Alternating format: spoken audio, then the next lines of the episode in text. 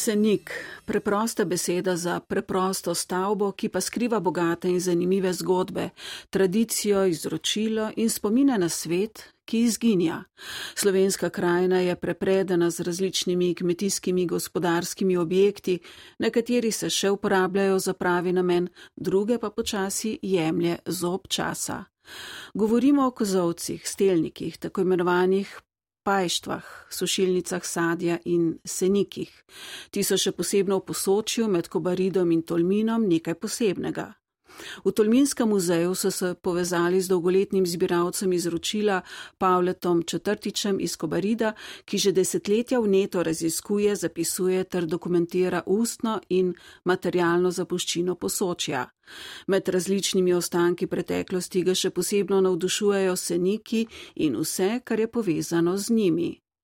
Popolnoma drugače pa so seniki začarali Elvisa Jerkiča iz Tolmina, mladega študenta arhitekture in fotografa.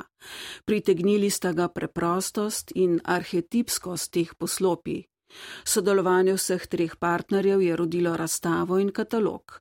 Več o senikih v zgornjem posočju pa v oddaji sledi časa, njen avtor je Milan Trobič.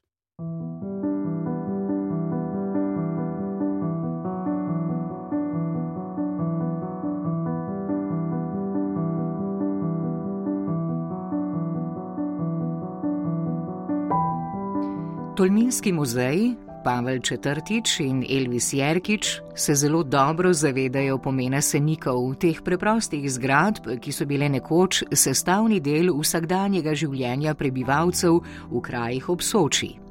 In kako so se povezali v skupnem projektu Seniki. Karla Kofol, etnologinja, kustosinja v muzeju v Tolminu, pravi.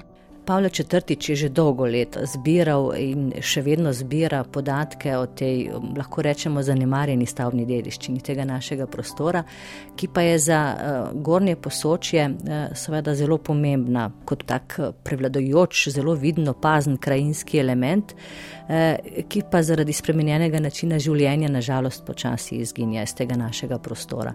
No in prav to je Četrtiča gnalo, da je že kar nekaj let nazaj začel zbirati podatke, podatke o spravilu Senaj in o teh uh, stavbah, življenju na teh senožetih in visokogorskih pašnikih, zbiral uh, informacije s pomočjo informatorjev, fotografiral te stavbe, marsikatera izmed uh, teh, ki jih je takrat še uspel posneti, jih danes ni več.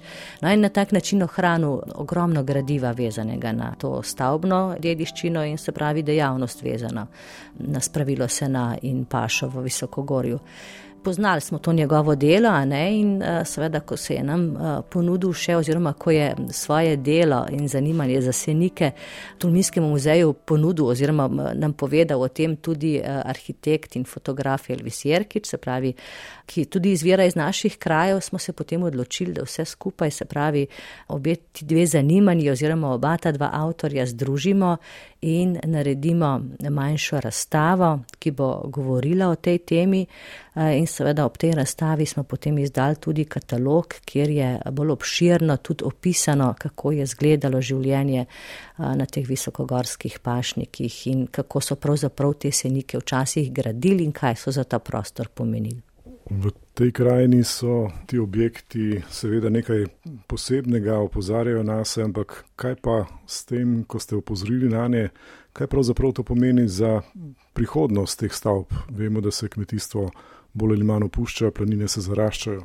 Ja, prav, kakšna lepa usoda seveda jih ne čaka, ne? ker pač ta gospodarski vidik tega ne podpira več, ne? se pravi sodobna način kmetovanja, to vrstnih stavb ne rabi več, ne visokogorski pašniki se zaraščajo, opuščajo, tu niže v dolini seveda te senike nadomeščajo bale, sena, ovite v plastiko. Marsikateri izmed teh senikov, če že ni propadel, bo propadel v parih letih. No, nekateri pa seveda se ohranjajo, ampak eh, imajo danes nekoliko drugačen pomen. Nekateri so se spremenili mogoče v kakšno vikend hišo ali pa ne vem, eh, stavbo, ob katerem je nastal piknik prostor. Drugi v teh senikih mogoče hranijo kakšno orodje, ne, če so bližje vasem, ne, in naseljem, je to kar prikladno. Se pravi, dobivajo drugačne funkcije. In seveda s temi drugačnimi funkcijami pa se dosti krat spreminja tudi njihov zunanji izgled, čeprav pa v bistvu ta osnovna lupina, osnovni tip stavbe vendarle pri večini še vedno ostaja enak.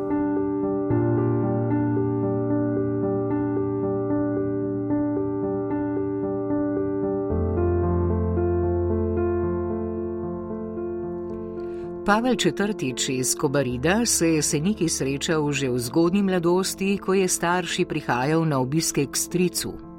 Pomagali so mu pri košnji in spravilu sena na planinskih senožetih. Takrat je doživljal senike kot nekaj samoumevnega.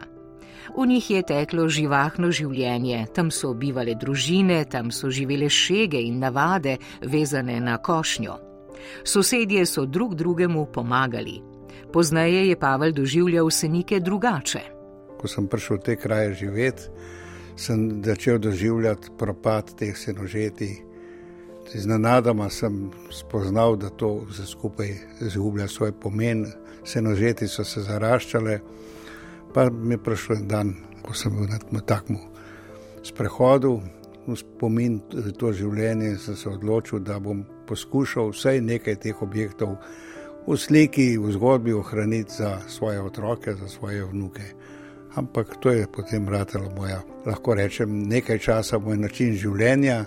Poleg službe sem vedno odhajal popovdne, fotografiral, obiskoval sem eh, domačine, ki so pripovedovali te zgodbe in poskušal čim več tega ohraniti v besedi, eh, v, v sliki, z manjšimi razstavami po vseh da bi stare ljudi spomnil na njihovo mladosti, ker so prihajale veliko krat debate, so bile v teh eh, razstavah velike.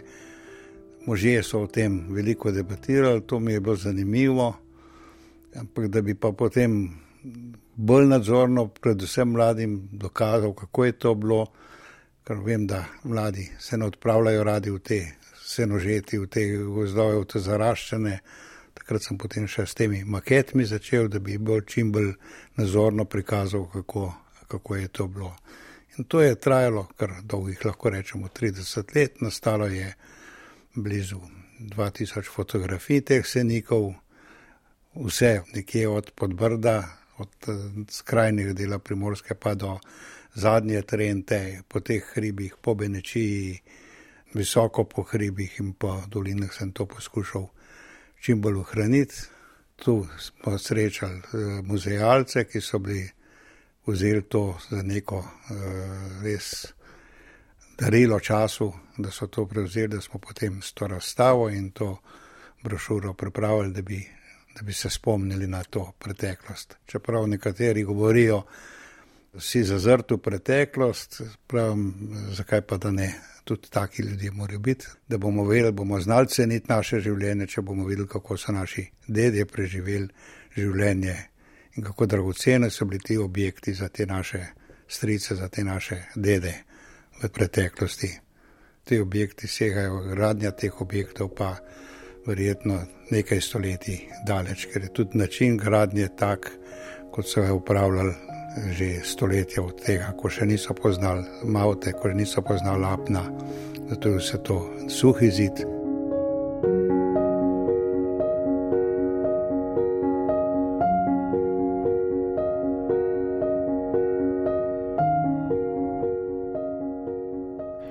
Spoznajmo senike, te preproste suhozidne zgradbe. Prebivalci krajev ob Soči so stoletja tik pod gozdno mejo trebili zemlišča in tako so nastale senožeti, ki so segale pod najvišje gorske vrhove.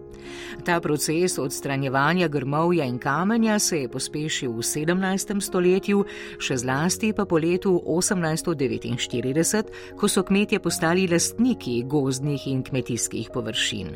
Pavel Četrtič.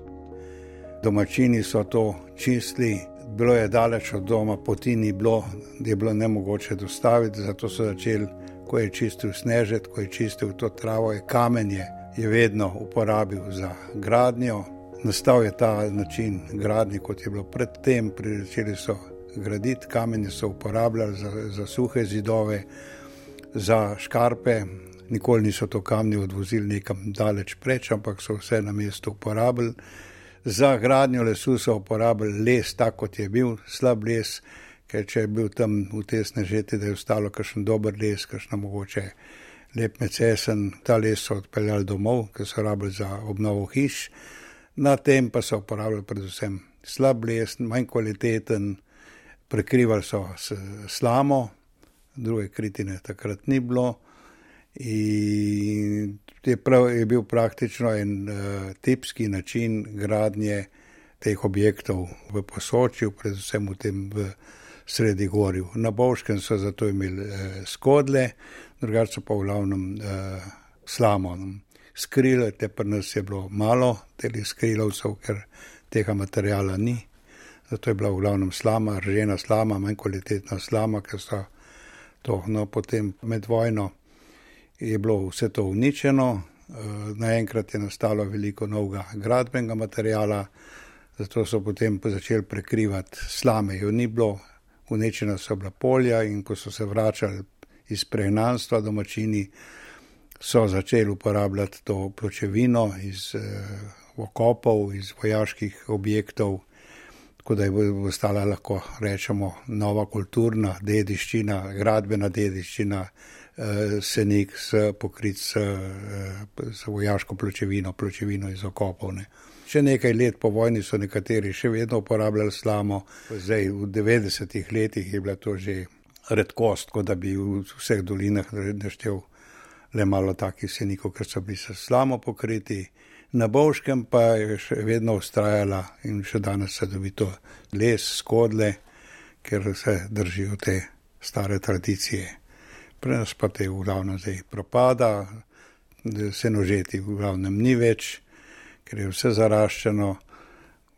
Veliko krat pa pride nek turist, pa zagleda ostanke tega senika, tako da se pojavi že tudi v nekem časopisu mogoče slika ostankov tega in pa napis, to je ostanek neke utrdbe, nekega avstrijskega ali italijanskega položaja. To je bila tudi ena spodbuda za to, da bi javnosti spomnili, da bi pokazali, kaj v stvari se je dogajalo, kako so ti ljudje preživljali tu v naših gorah, v teh eh, starih tipskih objektih.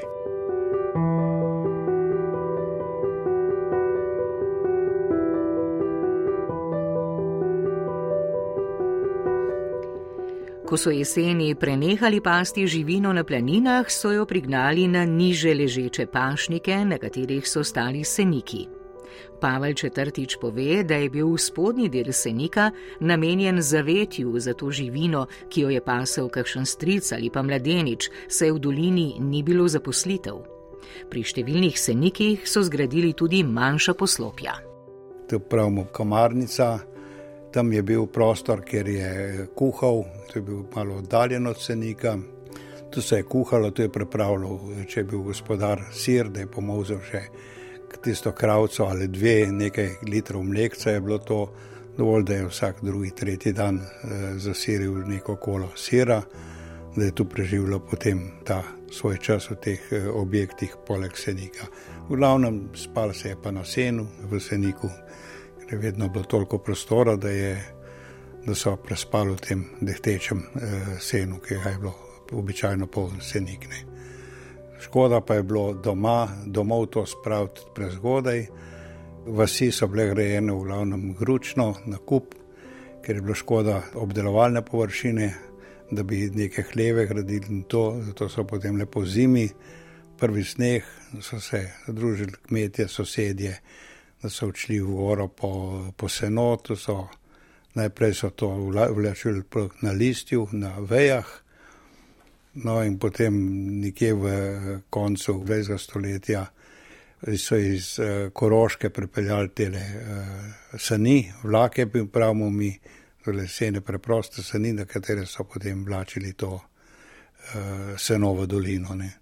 Senik pa je bil stalno uporabljen, ko je spravil seno v klet, kjer je bolj hlev, je spravljal drva, ko je čistil snežet, vsaka veja je posebej zavezal, to je shranil v ta senik, da so imeli to potem za domov vlačili za, za kurjavo. Tu so veliko krat uh, pripravljali nek vaški strič, ki je odšel v planino, da je vsako jesen popravil, potovkal to zidov, je to kamen, ki se je rušil. Življenje v senožetih je bilo nekaj posebno čarno. Mogoče je to dokaz tudi to, da decembra, januarja je bilo veliko povečanje rojstev v vseh, kar prikazuje, kako je bilo zanimivo in romantično življenje v teh senožetih, v teh senikih.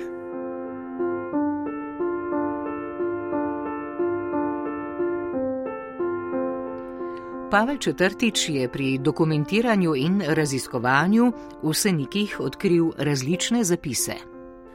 No, to je res nekaj posebna zanimivost. To je bilo največ tega je bilo zaslediti v eh, vasi Krn. Čeprav je bila visoka gorska vas, ampak te seniki so bili oddaljeni, se nožeta tudi uro hoda od vasi. Domačini so zapisovali vse, kar se je dogajalo. Vem, to je bil prav nek eh, način življenja teh ljudi, gor, ko je v Seniku napisal, da sem prvič nesel domov dve bremeni sena, ko je prišel od vojakov. Ali je napisal datum, kdaj so končali s košnjo, kdo je pomagal pri košnji. Nekdo je zapisal v enem teh senikov pod, v mrzlem vrhu, danes so Nemci napadli vas svino. Izgore so to opazovali, vse to so zapisovali, kaj je v tem videl, ne vem, ampak hotel je ohraniti rodovini, doma se mu verjetno ni zdelo, da bi to pisal, škoda bilo papirju, zato je bilo te se neki res eh, bogato popisani. No, ko sem eh, nekoč v podrtem seniku pod streho potegnil ven, naprimer, ta eh, trinožni stolček za možo, vedel sem, če ga je in ko sem to potegnil ven, je bil dobro ohranjen in spodaj na dnu tega stola, ko sem ga obrnil, je bilo še vedno lepo vidno pisano, kako ima rade neko dekle, mlad fant iz doline, ki je bil tu pasov in ni vedel, kako bi se izpovedal svojo ljubezen, zato je na ta stolček spodaj napisal, da ljubi to dekle. No, no kasneje sem zvedel, da res, da je bila ta prava ljubezen, ker kasneje sta imela tudi sta se poročila, ampak eh, Vse to so zapisovali, zgodbe, take zgodbe, mogoče in iz vojne, in celo od neke ljubezenske izjave v teh objektih, na leseni del, na kamen, ne, ampak na les, na vrata, na nek steber in tudi na, na te eh, pripomočke, ki so jih uporabljali eh, za možo in to.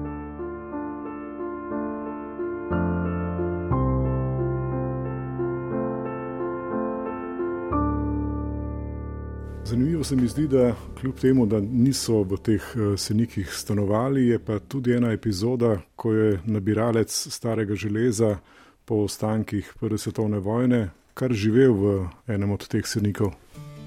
No, to je bil običaj, lejte, teli, veliko je bilo, kar nekaj na Turminskem, je bilo teh eh, posebnežev, bi lahko rekli, ki so preživeli samo za ostalinami prve vojne. Tu imamo nekaj tudi znano zgodbo, puščavnika izpod Krna, pa nekaj takih zanimivih mož. No, in v nekem seniku pod Krnom so šli v goro, nabirali, vlačili nekje do ene točke, to, potem pa vse skupaj to pripeljali v dolino, to železje, to bilo v glavnem žlahtne kovine.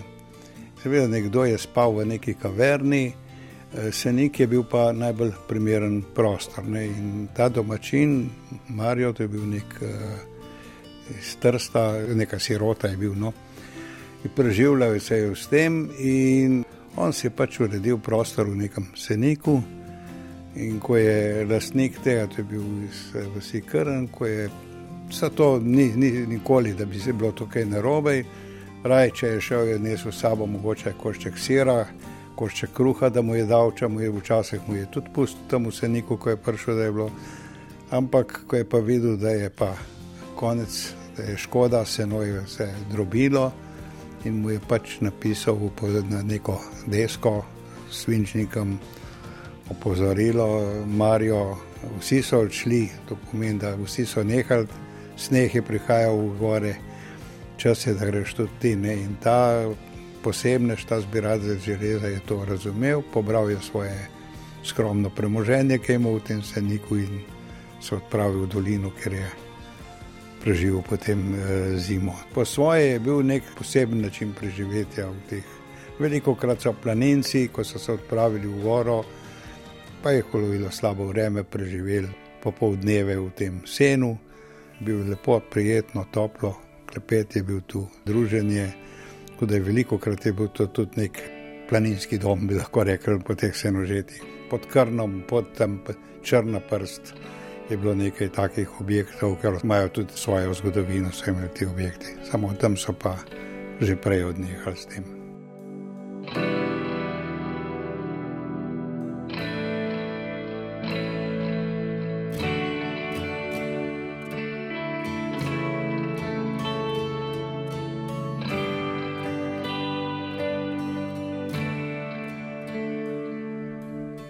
Med zgodbami je pretresljiva tudi ta, ko se je v planino odpravil gospodar. Ko je prišel na senožet, ga je presenetila tišina. Nikjer več ni bilo slišati vriskanja in klepanja kos. Pamet četrtič. To je bil domačin, ni bil sicer izvrstna, dobro uro, uro, uro in pol hoda do te senožeti, tam so bile lepe senožeti v strminah eh, pod eh, planico, tam mogoče dve urci hoda do, do vrha Krna. In kot običajno se je ta možak odpravil, da bo sekal, so boje nesel pač tisto breme, grablje, dve, tri kose, da je imel to pripravljeno. Pričakoval je, da bo prišel naslednji dan sin ali nekje iz Gorice ali kjerkoli je bil, da bo prišel, da bo pomagal, da bo prišel tam mladim pomagati. No, in ko je prišel gor v goro, v to snežet, tam je bilo vedno sosed, je tam sekal, drugi tam na drugem hribu se je slišalo petje. Mladi so veliko krat uriskali ko so se spoznavali med sabo, čeprav veliko krat se osebno niso poznali, ampak že po glasu vriska je vedel, iz sosednje vasi ta in ta je tam. No, on je prišel tokrat, je bilo pa vse tišina, pa seče, kosi, nikjer ni bilo slišati brušenje koš, nikjer ni bilo slišati klepanja, nobenega glasu. In mož je ugotovil, da je edini, da sosed ne seče več, da je trava velika. Eh, drugi sosed, je bila tam trava velika, poležena že, on pa je bil tu, pa je ugotovil, da je pač edini in spravil je kosa v senik, popil svoje moštalj, kar je imel, kozarček dva, odpravil se je domov, doma je bila žena vsa prestrašena, kaj se je zgodilo, zakaj je že doma, običajno je celo prespal, v tem seniku, zdaj prišel pa domov in mož je mirno sedel za mizo, naročil za jesti in pol je pa lepo vedel, ne, da je v gori ostal sam, da so že vsi odšli, da neče nihče več seče, rekel tudi jaz ne bom več. No. No, potem le sin, ki je prišel pa zeti iz službe, so šli v goro, da so to pospravili, nekaj še posekali, ampak od sedmi naprej je se nažet propadla, danes je to zaraščeno, da mogoče ta senik lep še stoji, ampak vsak trenutek bo lahko tudi tega konec. Ne.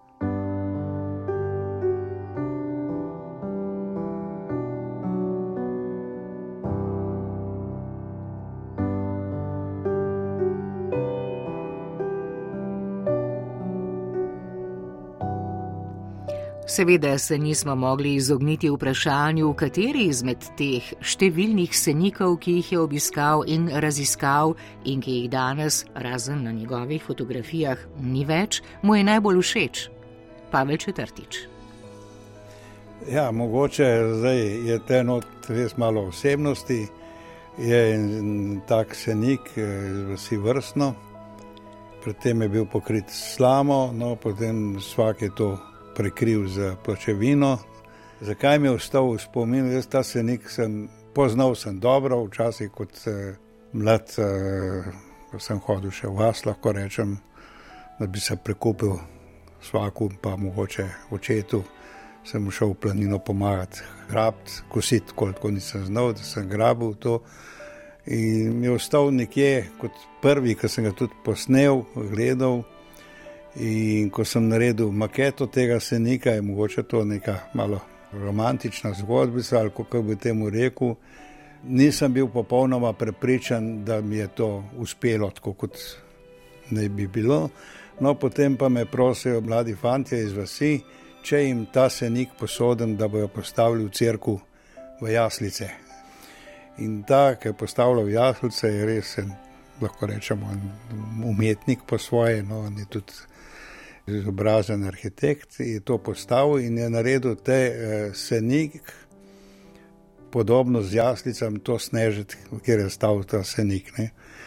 No, in potem eh, po nočnici me obišče ena gospa, ki ni živela tukaj. Ne. In je rekla, ti si kriv, je rekla, da danes ne vem, kaj je bilo pri Maši pri polnočnici.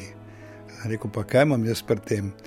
Je rekla, ko sem bila tam in sem gledala v ta senik, sem ga tako doživela, da sem neprestano se spominjala, kako so z očetom grabila, kako smo spravljali seno in rekla, in celo polnočnico samo gledala v senik in jokala ob spominu na preteklost. Ne.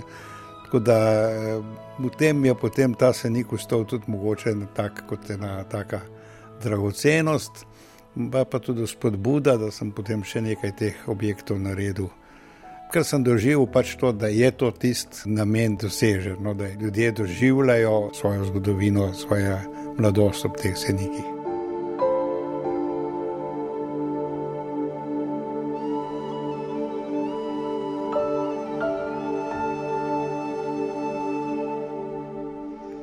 V projektu Seniki med Kobaridom in Tolminom je sodeloval tudi domačin iz Tolmina, Elvis Jerkič, študent arhitekture in fotograf.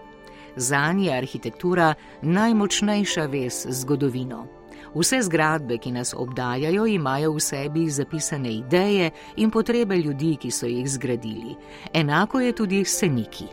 Zanimivo je pri njih, da se pojavljajo v nekih bolj ekstremnih okoljih, oddaljenih od bivališč ljudi, in mogoče še bolj kot druge stavbe govorijo o neki ustrajnosti eh, prebivalcev in teh ljudi, ki so jih zgradili. Gre za relativno zelo skromne stavbe in skromno arhitekturo.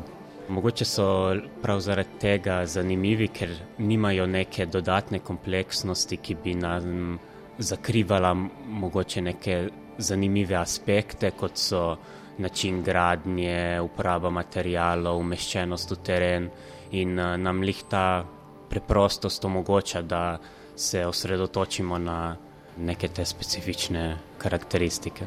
Za oblikovanje tega kataloga in pa tudi razstave ste uporabili zanimivo črno-belo fotografijo. Zakaj? Glavna referenca za ta eh, stil fotografije sta zakonca Bečer, ki sta se ukvarjala s tako imenovano objektivno fotografijo. Ona dva sta slikala industrijske objekte, ki so v njuni rodni Nemčiji močno oblikovali um, okolje, ki jih je obdajalo. In um, nek ta njun pristop se mi je zdel zanimiv v primeru vsenikov, ki so pa bili zgrajeni v okolju, kjer industrija ni bila tako prisotna, ampak je pa kmetijstvo močno preoblikovalo okolje. Kakšna je pravzaprav vloga te objektivne fotografije v primeru tega kmetijstva, predvsem za tona kmetijstva, ko se seniki ali pa ti preprosti objekti nekako spreminjajo, propadajo? Objektivna fotografija je v resnici, po mojem mnenju, tako oksimoron, ampak eh, se mi zdi vseeno dober termin, zato ker nam lih to kako bi rekel, kontradikcijo izpostavi, ker se mi zdi, da kljub temu, da je fotografija mogoče predstavljena kot nek najbolj objektiven način uh, predstavljanja sveta, je v resnici pri njeni produkciji ogromno prepuščenega fotografu. Ta fotograf zmeraj pusti nek pečat na fotografiji in enako je pri temu stilu, ki sem se ga jaz posluževal za katerega so zna, je značilna črno-bela tehnika, ravne linije, frontalna perspektiva, centralna kompozicija, odsotnost ljudi, vse to, kar skuša te fotografije napraviti malo bolj objektivne, ustvarja nek zelo osredotočen pogled na te objekte. Ampak se mi zdi, da je ta pogled lahko zelo zanimiv, saj se osredotoči na neke materialne lastnosti in dejavnike, ki so vplivali na te stavbe. Zanimivo, da to niso samo fotografije same kot take, so sicer zelo poetične, ampak kljub vsemu imajo še neke dodatne informacije. V razstavi in tudi v tem katalogu so bile te fotografije zmeraj um, prikazane v skupinah, enako sta počela tudi za konca Bešer. In um, prav ta aspekt je pomemben, ker nam dovoljuje to neko primerjavo in um, raziskovanje teh faktorjev, ki vplivajo na neko podobo objektov, kot so lokacija, odnos do terena, funkcija, materialnost, vremenski vplivi in tako naprej. Kaj pa je na vas osebno naredilo največji vtis pri tem celotnem projektu? Rekl bi, da mi je najbolj ostalo v spominu neka ta ustrajnost uh, ljudi, ti seniki so res zgrajeni na območjih, ki so daleč od vasi in so posledica nekih neugodnih pogojev za kmetovanje, ampak ljudje so očitno bili tako ustrajni, da so se odločili preživeti na, tudi na takih območjih in uh, to lahko potem tudi uh, razširimo na vse početje in uh, Eh, dejavnosti človeštva, kar se mi moče zdi zelo zanimivo, ta ustrajnost. Je kakšen tak uh, senik ali pa objekt, ki ste ga fotografirali, še posebej nekako vam pri srcu, vam ljub? Mogoče mi je bil posebno všeč eh, senik, ki je ob cesti med vasmi Kamno in Ladra. To pa zato, ker je nekako na njemu se kaže ta vpliv časa, nekateri kamni manjkajo, ampak prav ti manjkajoči gradniki nam pokažejo njegovo vsebino, se skozi to luknjo v zidu vidiš eh, seno, ki se v njemu hrani.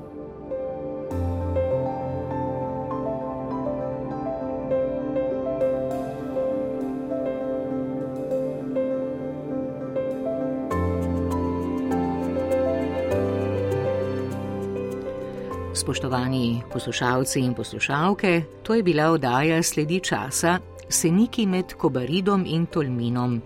Avtor oddaje je Milan Trobič, glasbo je izbral Rudi Pančur, tehnično jo je oblikoval Vojko Frelih, povezovala sem jo Lidija Hartmann. Odajo lahko spet slišite v arhivu na spletni strani prvi.rtvslo.si, kjer najdete tudi zapis in fotografije, na voljo pa bo tudi v podkastu.